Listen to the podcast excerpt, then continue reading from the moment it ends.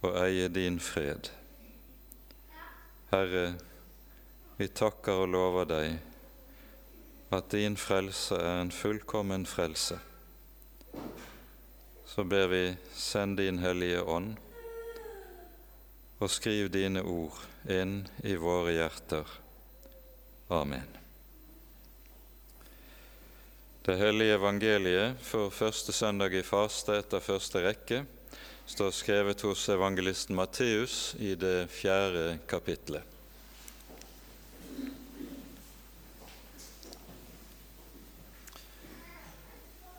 Da ble Jesus av Ånden ført ut i ørkenen for å fristes av djevelen.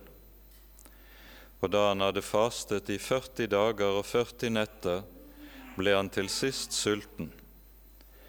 Og fristeren kom til ham og sa:" Er du Guds sønn, da si at disse steinene skal bli til brød. Men han svarte og sa, Det står skrevet, mennesket lever ikke av brød alene, men av hvert ord som går ut av Guds munn. Da tok djevelen han med seg til den hellige by og stilte ham på tempelets øverste hjørne, og han sier til ham:" Er du Guds sønn, så kast deg ned, for det står skrevet:" Han skal gi sine engler befaling om deg, og de skal bære deg på hendene, for at du ikke skal støte din fot mot noen sten. Men Jesus sa til ham, Det står også skrevet:" Du skal ikke friste Herren din Gud.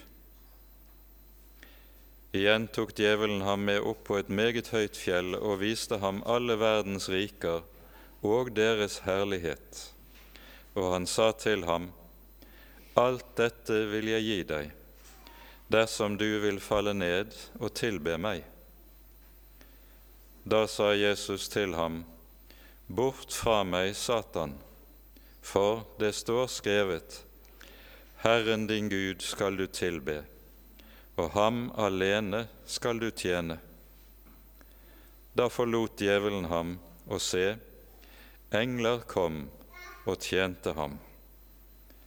Dette var ordene, Hellige Far. Hellige oss i sannheten, ditt ord er sannhet. Amen.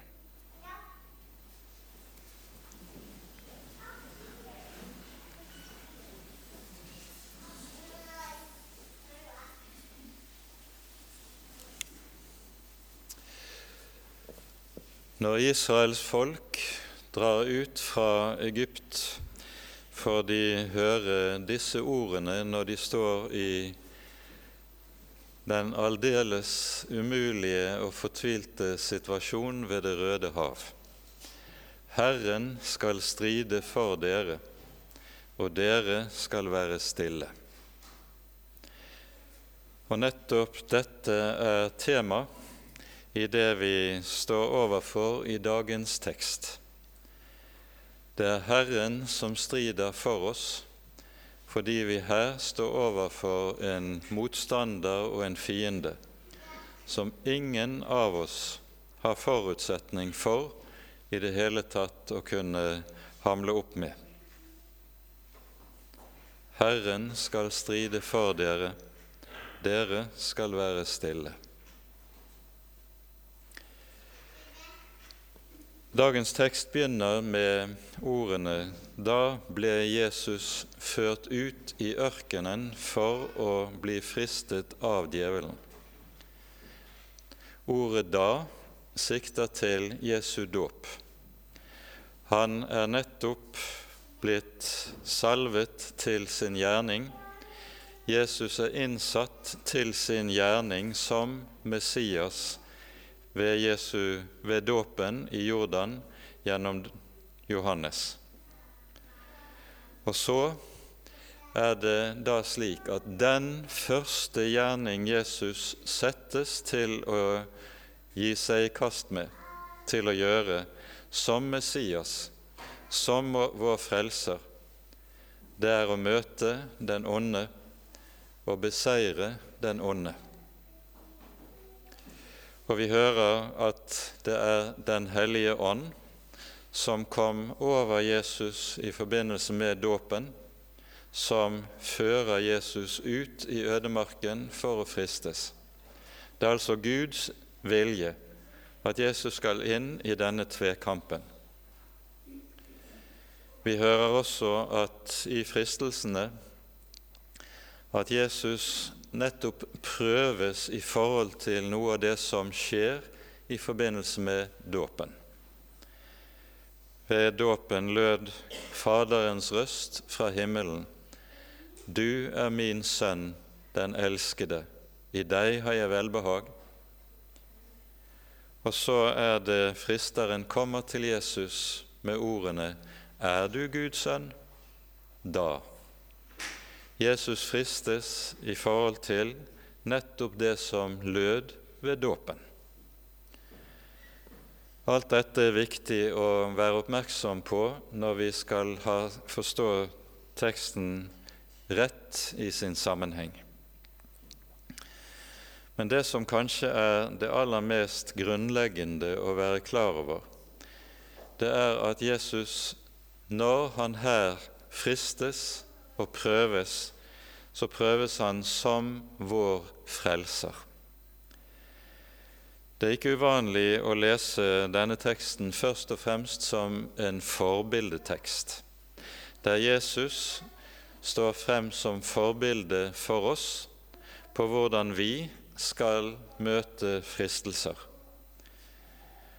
Og det er sant nok at Jesus her møter fristelser slik vi også bør gjøre det. Møter det med Guds ord.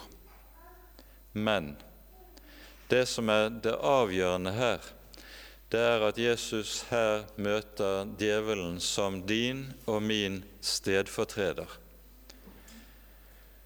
Og det er i kraft av å være vår stedfortreder han også beseirer den onde her i ødemarken.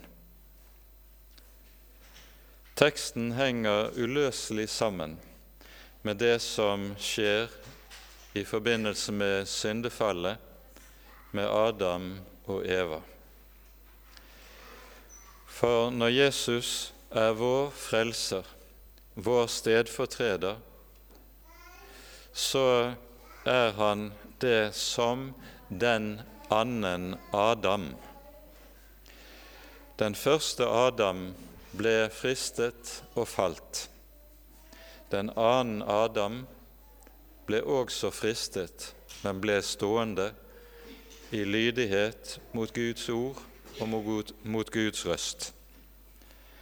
Og så blir like som Adam den første Adam, blir stamfar til en menneskehet som er behersket av djevelen og lever under syndens herredømme, så blir den annen Adam stamfar til en ny menneskehet som er befridd fra djevelens herredømme og er rettferdiggjort og helliggjort ved Jesu gjerning.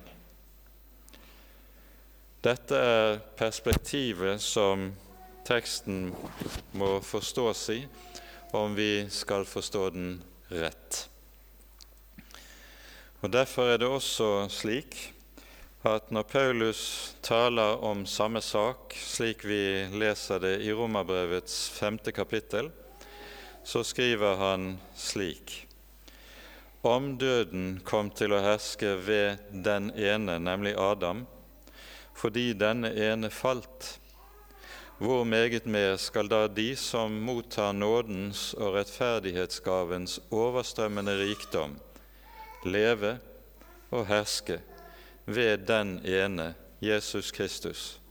Altså, like som én manns overtredelse ble til fordømmelse for alle mennesker, slik skal også én manns rettferdige gjerning bli til livsens rettferdiggjørelse for alle mennesker.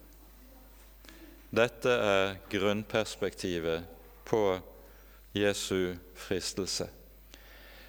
Han prøves først og fremst som din og min stedfortreder. Han prøves først og fremst som den annen Adam, som blir opphav til evig rettferdighet for alle som hører ham.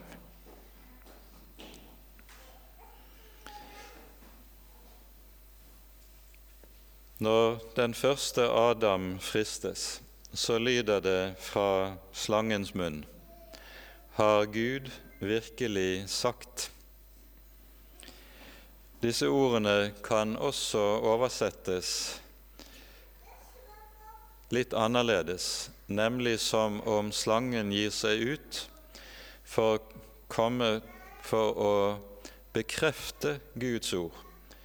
De kan oversettes 'Ja, Gud har virkelig sagt'. Han gir seg ut for å ville bekrefte Guds ord. Og det er nettopp som dette han også opptrer i møte med Jesus. Er du Guds sønn, så kan du gjøre slik og slik. Han vil hjelpe Jesus til at det skal stadfestes og bekreftes det som var sagt som lød ved hans dåp. Og som dette kommer han altså som lysets engel. Djevelen kalles jo nettopp det i noen sammenhenger i vår bibel. Han opptrer som lysets engel som den som gir seg ut for å komme til oss med velsignelse, den som gir seg ut for å komme til oss med noe som er ovenfra fra Gud, men som er det stikk motsatte. Og i vår tekst hører vi han også omtales med tre ulike benevnelser i tillegg til dette. Han kalles for det første djevelen, diabolos. For det andre kalles han fristeren, og for det tredje kalles han til slutt Satan. Det siste ordet betyr fiende eller motstander.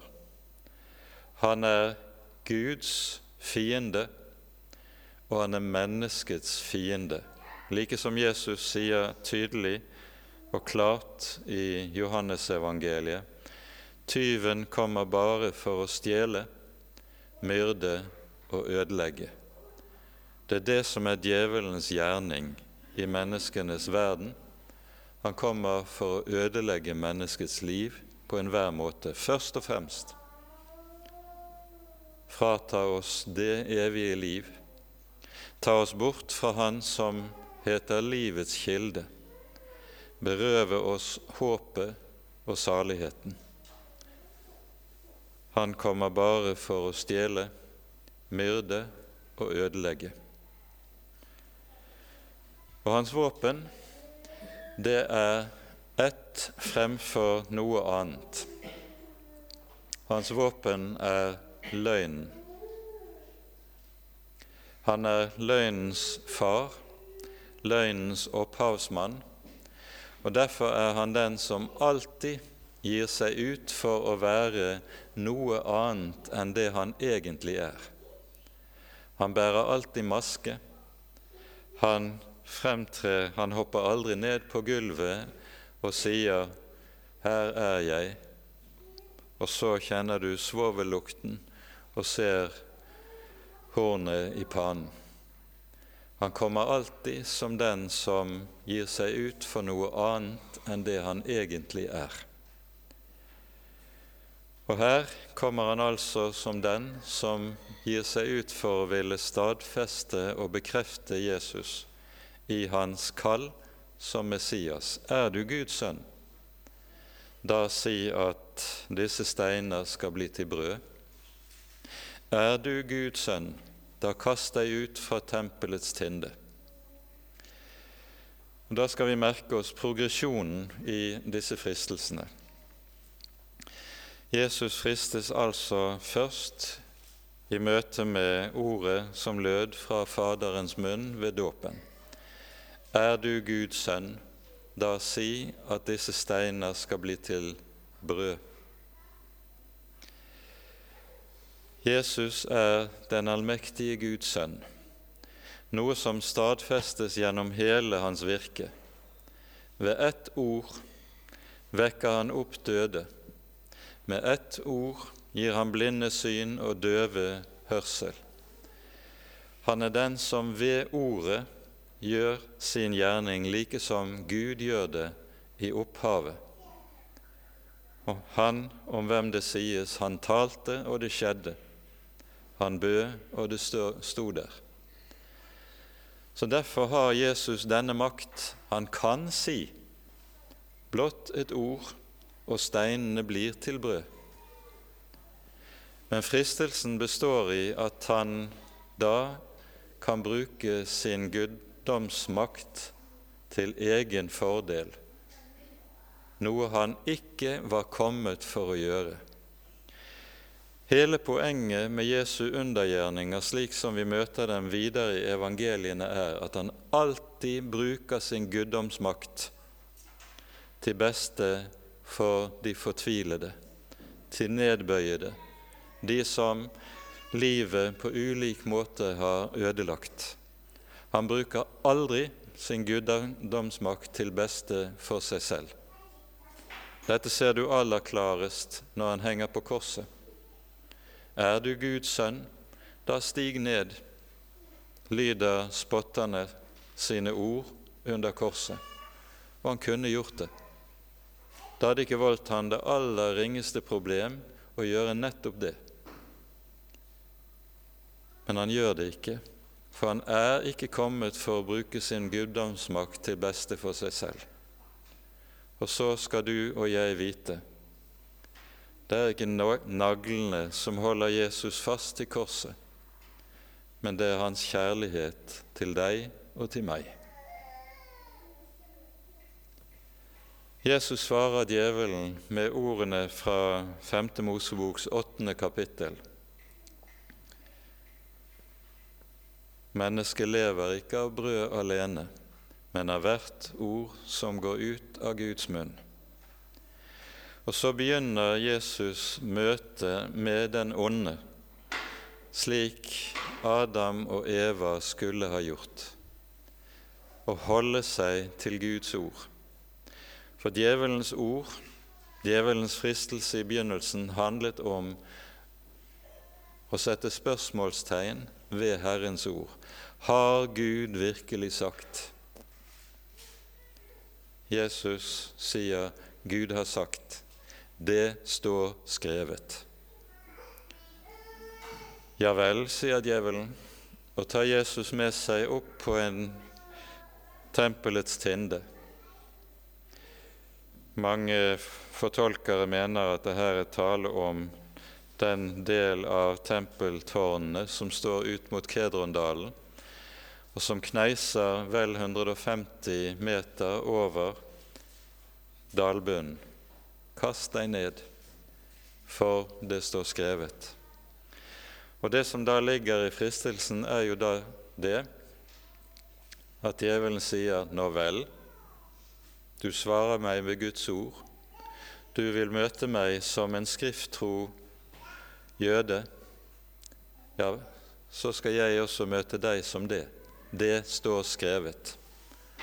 Og så siterer djevelen Bibelen. Og det skal du vite. Djevelen er meget flink til å sitere Bibelen. Djevelen er meget flink til å bruke og anvende Den hellige skrift til å forføre mennesker. All vrang lære springer ut av at djevelen bruker og anvender Bibelen og kan sin bibel, kan vår bibel. Men han vrir på bibelordet. River bibelordet ut av sin sammenheng, slik at det får en annen mening enn det egentlig har. Og så kan han forføre, så kan han ødelegge, slik som det er hans mål. Kast deg ut, for det står skrevet. Han skal la sine engler bære deg på hender og du skal ikke støte din fot på noen sten. Jesus svarer på ny ved å vise til 'det står skrevet'. Og da, Nå siterer Jesus fra 5. Mosebok 6. kapittel. Du skal ikke friste Herren din Gud. Herren har lovet å bære sine små på hender, men han har ikke lovet å bære oss på hender når vi frister ham.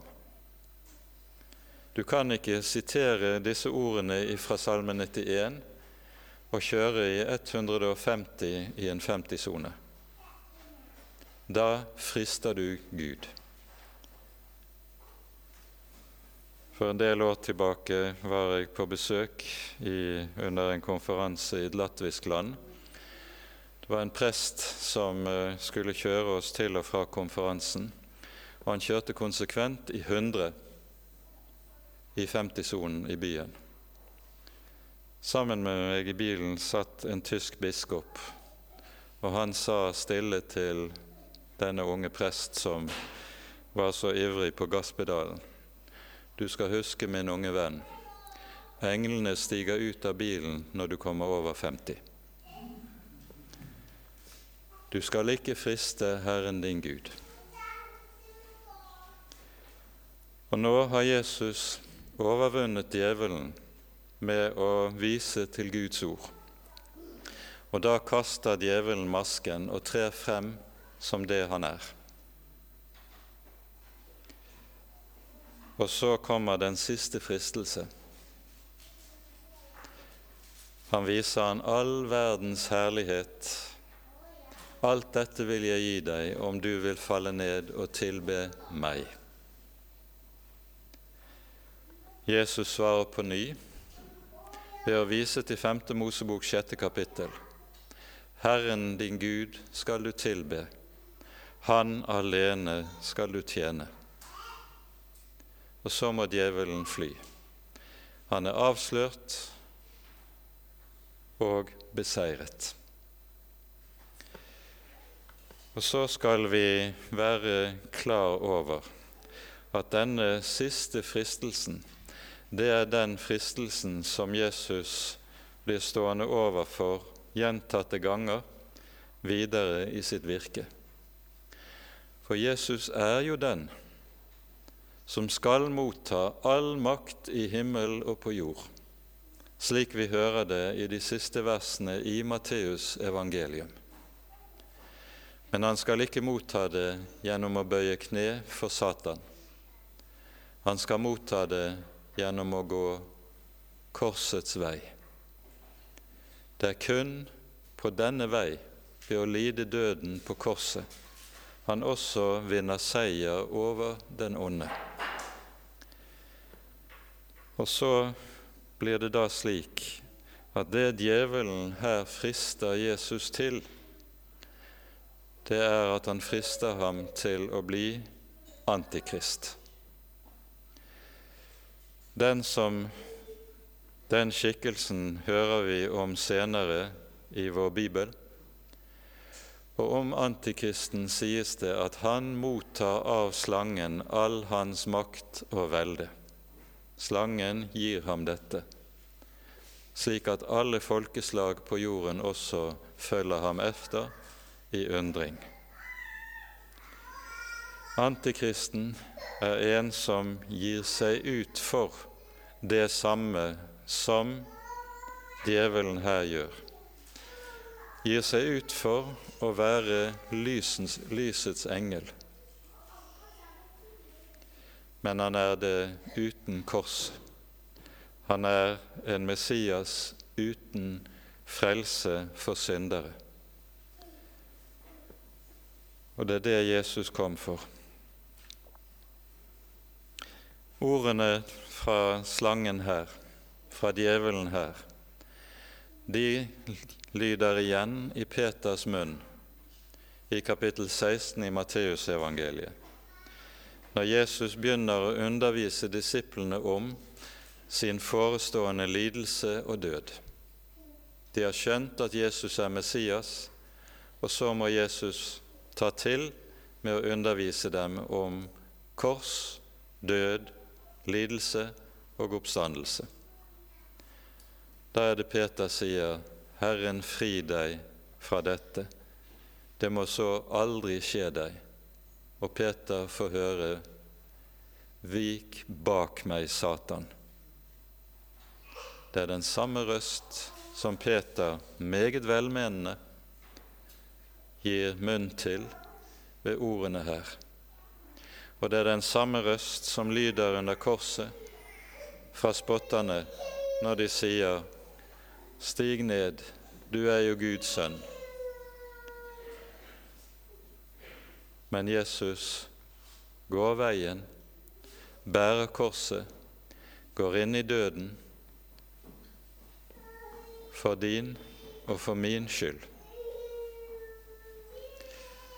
Når Jesus her beseirer djevelen, så er det som din og min stedfortreder. Og Derfor er det også slik at for det mennesket som Jesus har fått komme inn som frelser til, der har djevelen ingen makt. Djevelen kan friste, djevelen kan volde mang en vanske, men uansett hva djevelen raser, du er i Guds hånd, og han kan ikke rive deg ut av Guds hånd. Han kan ikke ta fra deg Herrens miskunnhet og omsorg, for Jesus er den sterkere som har overvunnet den sterke.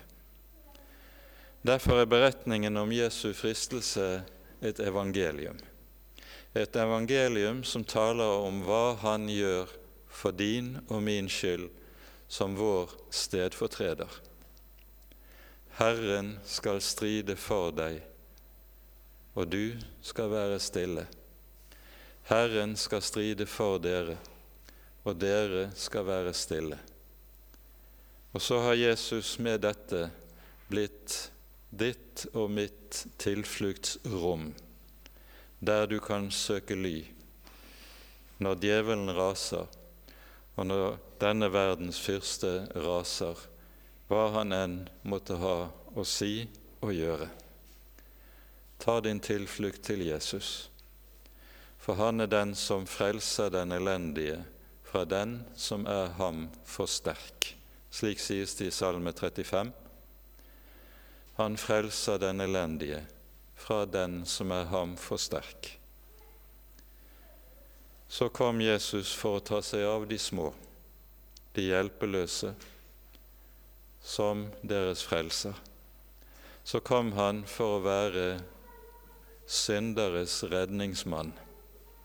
For når djevelen har makt her i verden, så er det i kraft av at synden har det fotfestet i våre hjerter som den har. Og når Jesus på korset og i døden bærer din og min synd, frir deg og meg fra hele syndens byrde og tyngde. Da må djevelen gi slipp på sitt bytte. Du er fri. Herren skal stride for dere, og dere skal være stille. Amen. Ære være Faderen og Sønnen og Den hellige ånd som var og er og være skal, en sann Gud, høylovet i evighet. Amen. Vi synger så sammen nummer 230, O du store seierherre.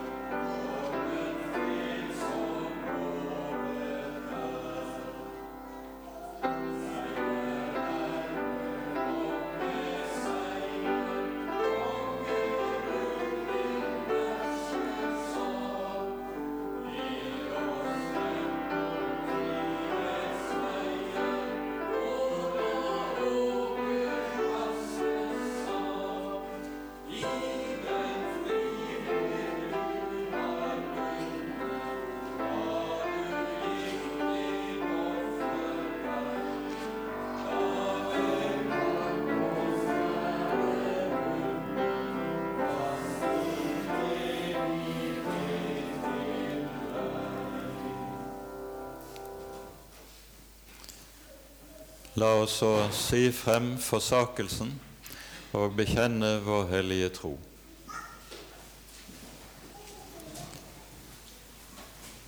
Jeg forsaker djevelen og alle hans gjerninger og alt hans vesen. Jeg tror på Gud Fader, den allmektige himmelens og jordens skaper.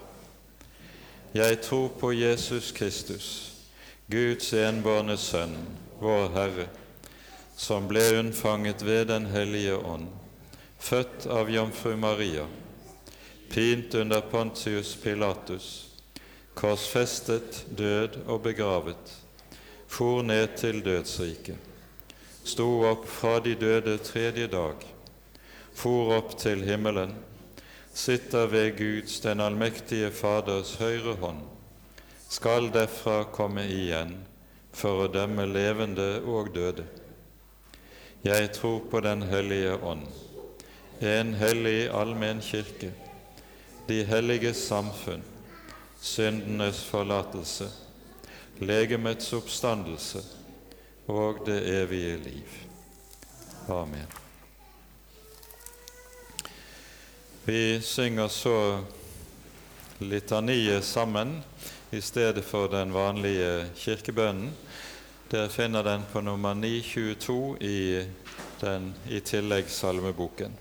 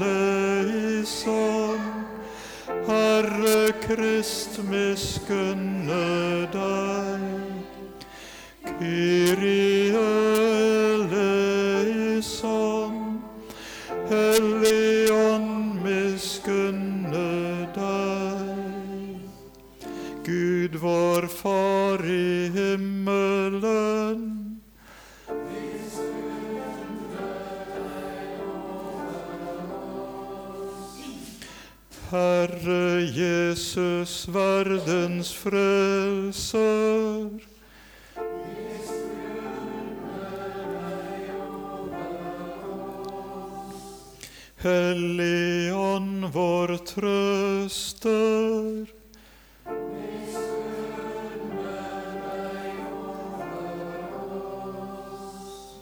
Fra alle synder, fra all villfarelse, fra alt det som ondt er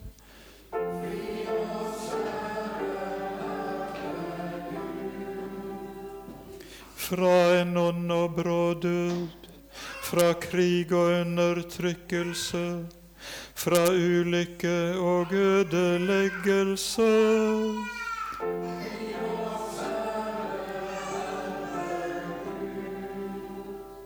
Fra den evige død.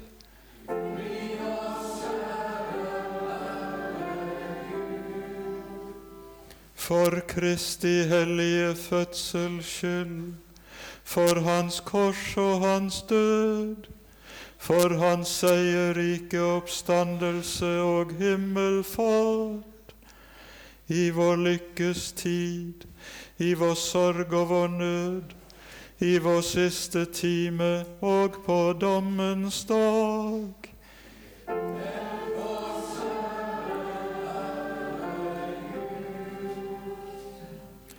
Styr og led din hellige kristne kirke, og la den forenes i din sannhet.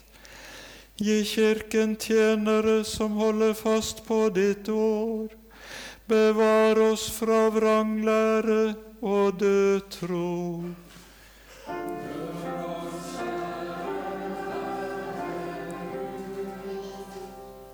Styrk vår menighet med din ånd og kraft. Kall de frafalne tilbake, og la ditt ord ha fremgang på jorden.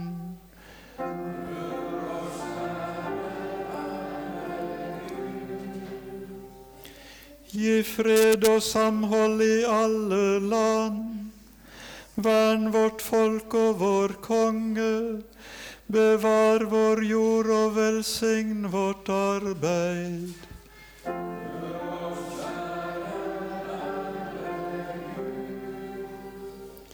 Kom dem til hjelp som er i nød og fare.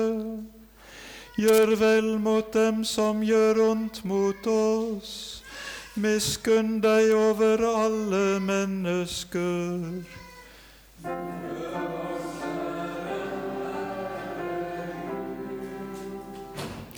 Jesus Kristus, Guds sønn.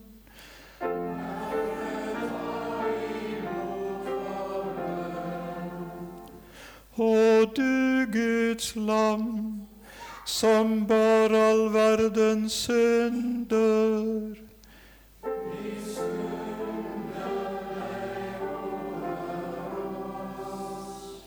Og du, Guds lam, som all verdens synder.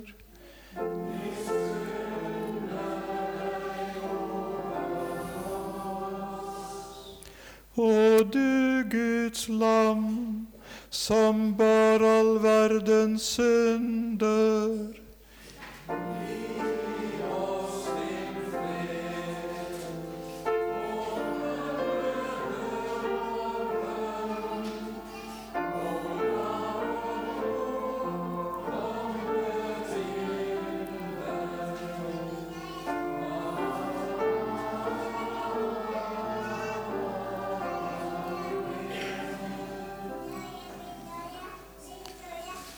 Vi takker deg, Gud vår Far, fordi du har gitt oss din enbårne Sønn, Jesus Kristus, for at hver den som tror på ham, ikke skal gå fortapt, men ha evig liv.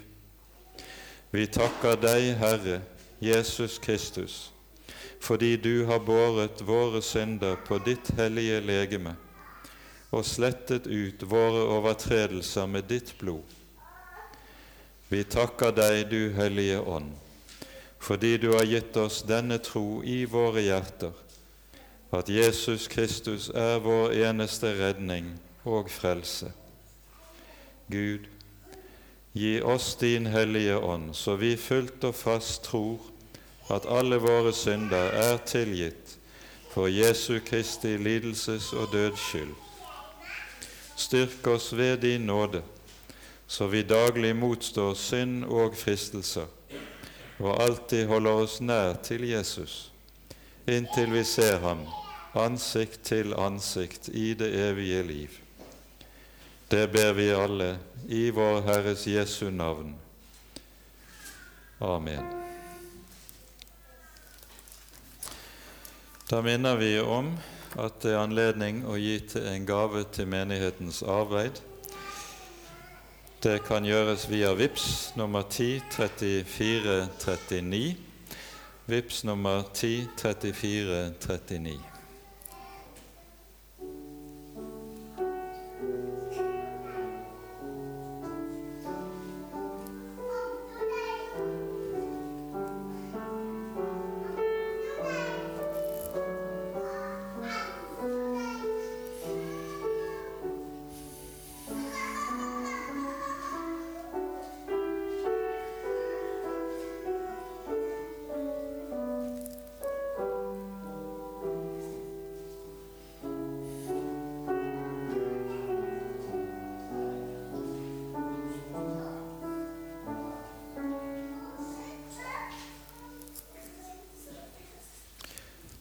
oss takke og be.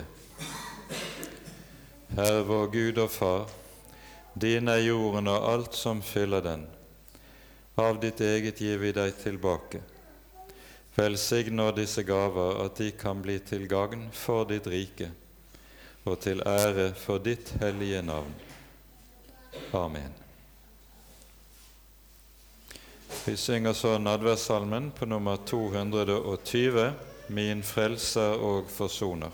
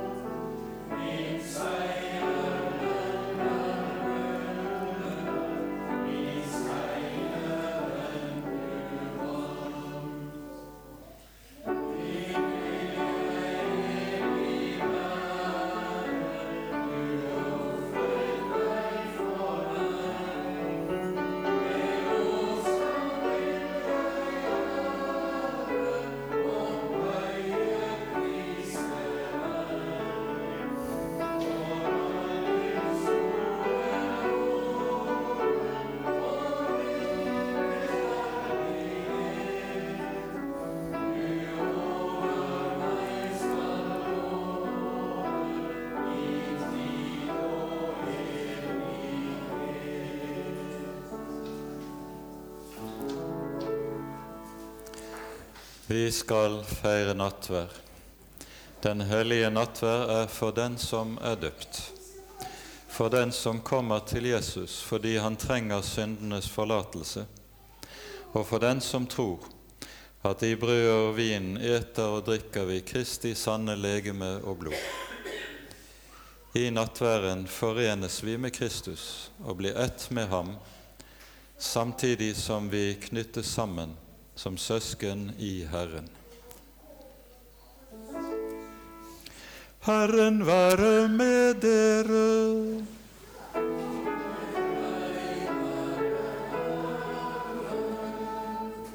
Løft deres hjerter.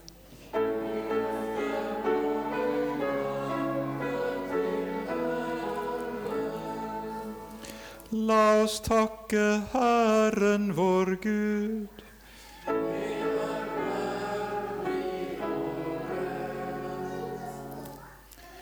I sannhet verdig og rett er det at vi alltid og alle steder takker deg. Hellige Herre, allmektige Far, evige Gud, ved Jesus Kristus, vår Herre.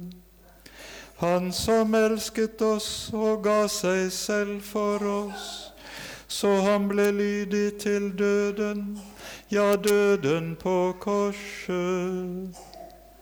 Ved ham lovsynger englene din herlighet, og din menighet i himmelen og på jorden priser ditt navn med samstemmig jubel. Med dem vil også vi forene våre røster og tilbedende synge.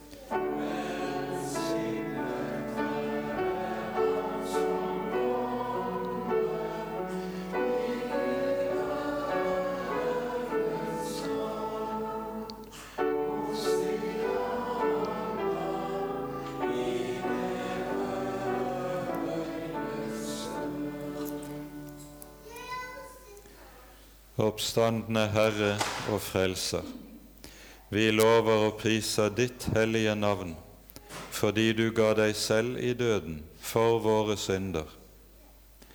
Deg være ære for ditt fullbrakte offer og din seierrike oppstandelse og himmelfart. Gi oss som kommer til ditt bord, og ta imot din hellige kropp og ditt dyre blod i en sann tro på ditt ord og løfte. Styrk oss i troen på syndenes forlatelse, og foren oss med deg som grenene med vintreet. Lær oss å elske hverandre slik du har elsket oss, og la oss en gang samles hos deg i ditt fullendte rike. Stort er troens mysterium. Kristus døde, Kristus sto opp, Kristus skal komme igjen. Så ofte dere spiser dette brød og drikker av dette beger, forkynner dere Herrens død inntil Han kommer. Amen. Kom, Herre Jesus. Vår Far i himmelen. La navnet ditt helliges. La riket ditt komme. La viljen din skje på jorden slik som i himmelen. Gi oss i dag vårt daglige brød, og tilgi oss vår skyld, slik også vi tilgir våre skyldnere. Og la oss ikke komme i fristelse, men frels oss fra det onde. For riket er ditt, og makten og æren i evighet. Amen.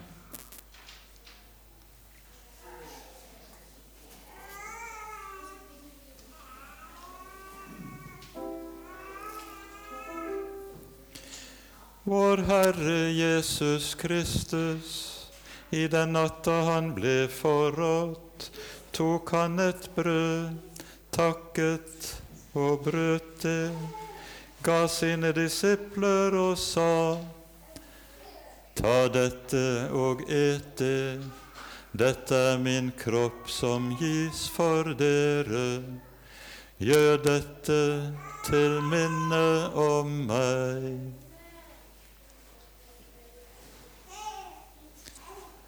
Likeså tok han òg begeret etter aftensmåltidet, takket ga dem og sa:" Drikk alle derav.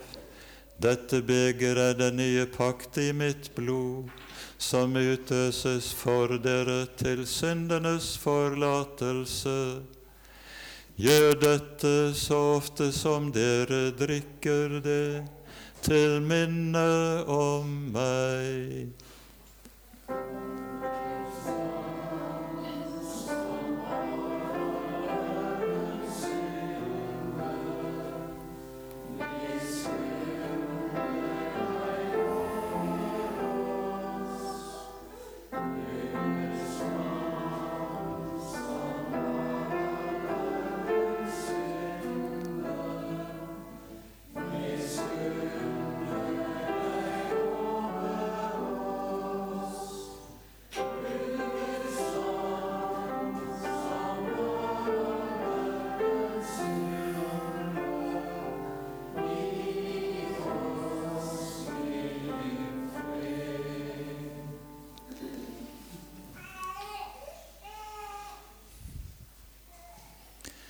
Salige er de som er innbudt til lammets bryllupsmåltid.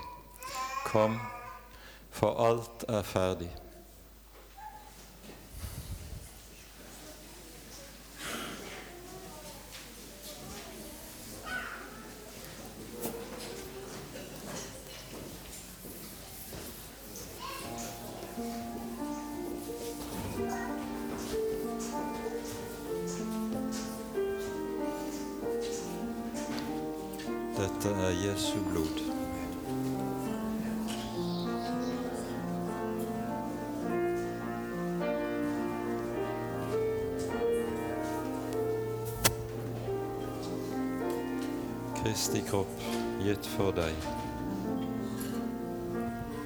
Kristi kropp gitt for deg. Kristi kropp gitt for deg.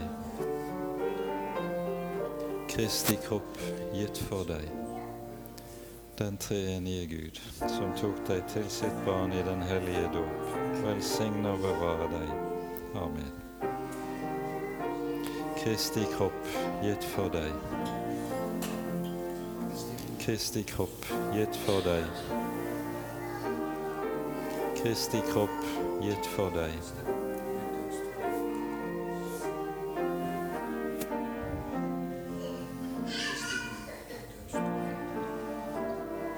Christi Kopf, jetzt vor dir.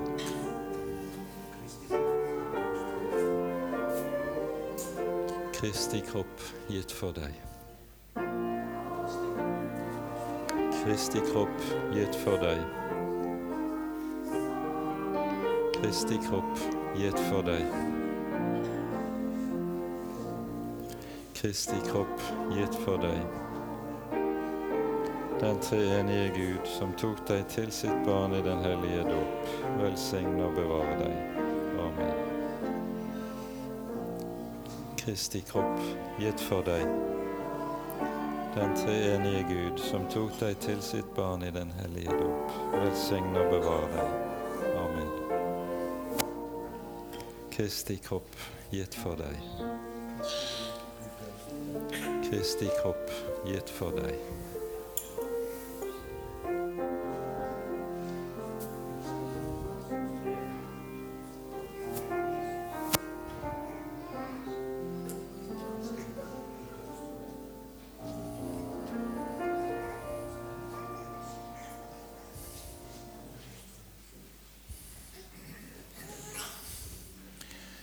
Det står skrevet Gud viser sin kjærlighet mot oss derved at Kristus døde for oss mens vi enda var syndere. Fred være med dere. Amen.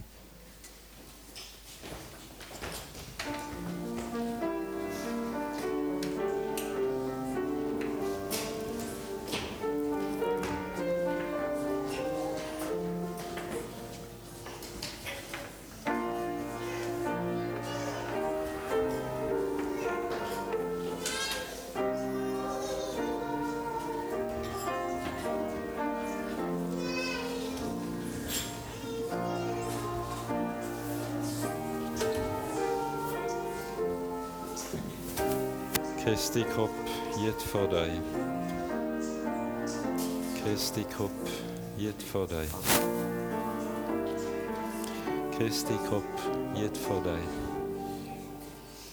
Den treenige Gud som tok deg til sitt barn i den hellige dåp, velsigne og bevare deg. Amen. Den treenige Gud som tok deg til sitt barn i den hellige dåp, velsigne og bevare deg. Amen. Kristi kropp gitt for deg. Den treenige Gud, som tok deg til sitt barn i den hellige dåp, velsigne og bevare deg. Amen.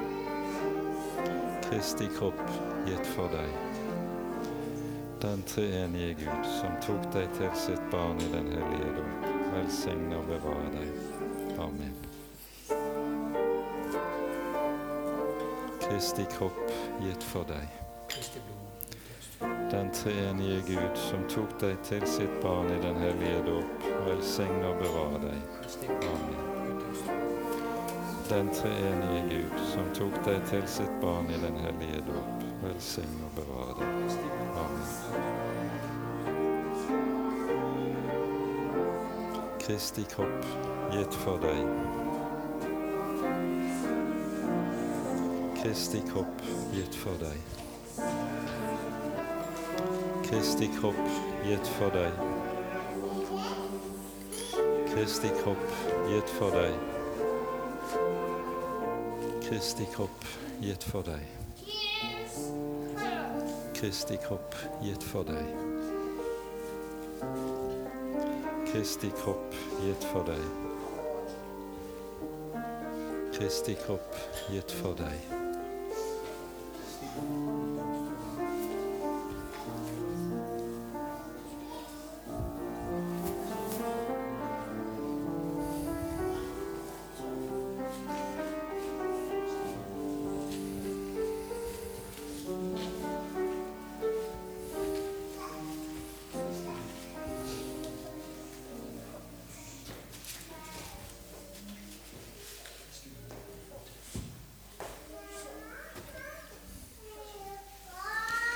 Det står skrevet I dette er kjærligheten.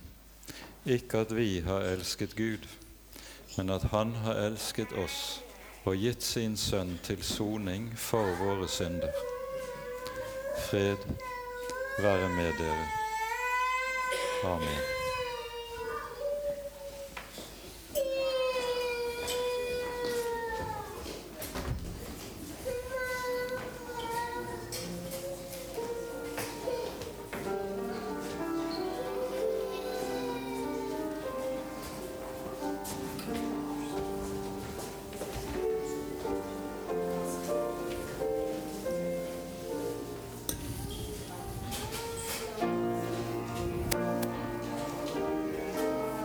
Kristi kropp gitt for deg.